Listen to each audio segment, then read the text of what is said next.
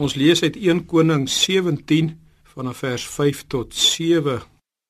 En hy, Elia, het gegaan en gehandel volgens die woord van die Here.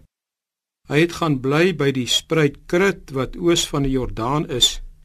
En die kraaie het vir hom smorens brood en vleis gebring en saans brood en vleis en hy het uit die spruit gedrink. Maar na verloop van tyd het die spruit opgedroog want daar was geen reën in die land nie. Lees net weer vers 6 en die kraaie het vir hom smorens brood en vleis gebring en saans brood en vleis en hy het uit die spruit gedrink. Vir Elia was dit 'n krisistyd om nie meer kos te hê nie. Dit wat die droogte doen word net erger en duideliker.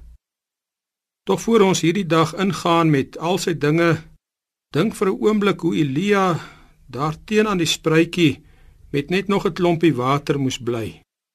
Elke oggend en elke aand het die Here die kraaie gestuur om vir Elia brood en vleis te bring. En elke dag kon hy genoeg uit die spruit drink. Die Here se sorg is dus baie duidelik, maar dis nooit oordadig nie. Hy sorg vir hierdie dag. Môre sal daar weer nuwe sorges moet wees. Hy sorg van dag tot dag. Hierdie geheim moet ons in ons geloofslewe ook aanleer. Die geheim van God se versorging wat genoeg is vir elke dag. Ek noem dit die dag tot dag geheim. Mag u dit ook vandag ontvang. Moet nie beangs na môre en oormôre kyk en wonder wat gaan van my word nie. Mag u leer om op die Here te vertrou. Mag u nie vernietig word omdat die spanning oor die toekoms net te veel geword het nie. Hoeveel mense leef in die grootste spanning hieroor? Mag ons weet wat dit is om van dag tot dag uit God se hand, die wonderlike hand van God te leef. Hier kom 'n kinderlike geloof te pas. Hier laat ons die toekoms in God se hande wat ook vandag vir jou wil sorg.